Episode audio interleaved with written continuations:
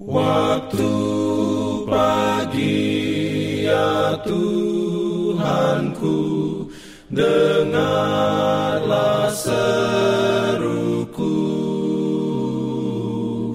Melayang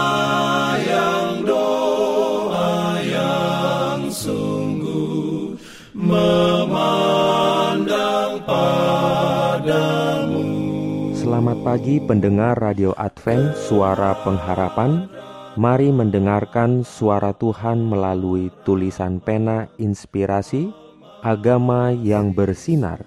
Renungan harian 22 Oktober Dengan judul 70 murid bersukacita dalam kuasanya. Ayat inti diambil dari Lukas 10 ayat 17 Firman Tuhan berbunyi, Kemudian ketujuh puluh murid itu kembali dengan gembira dan berkata, Tuhan, juga setan-setan takluk kepada kami demi namamu. Diberikannya perlindungan dalam pimpinannya. Urayanya sebagai berikut. Sebagaimana kedua belas rasul, ketujuh puluh murid yang diutus Kristus kemudian itu menerima anugerah ajaib sebagai sebuah stempel dari misi mereka.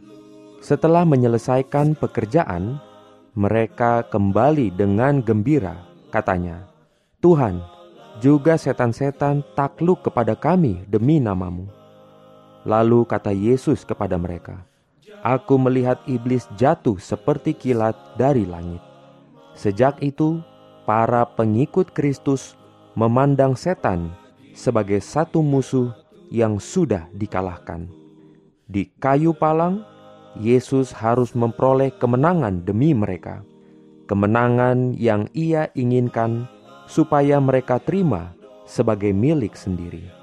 Katanya, Sesungguhnya aku telah memberikan kuasa kepada kamu untuk menginjak ular dan kalajengking dan kuasa untuk menahan kekuatan musuh, sehingga tidak ada yang akan membahayakan kamu.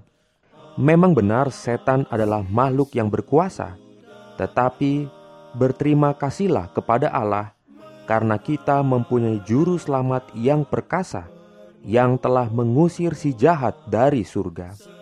Setan senang kalau kita membesar-besarkan kuasanya. Mengapa tidak membicarakan tentang Yesus? Mengapa tidak membesar-besarkan kuasa dan kasihnya? Amin. Diberikannya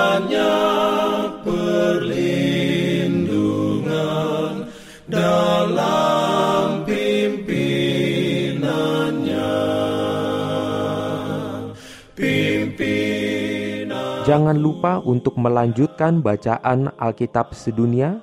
Percayalah kepada nabi-nabinya yang untuk hari ini melanjutkan dari buku Amsal pasal 19.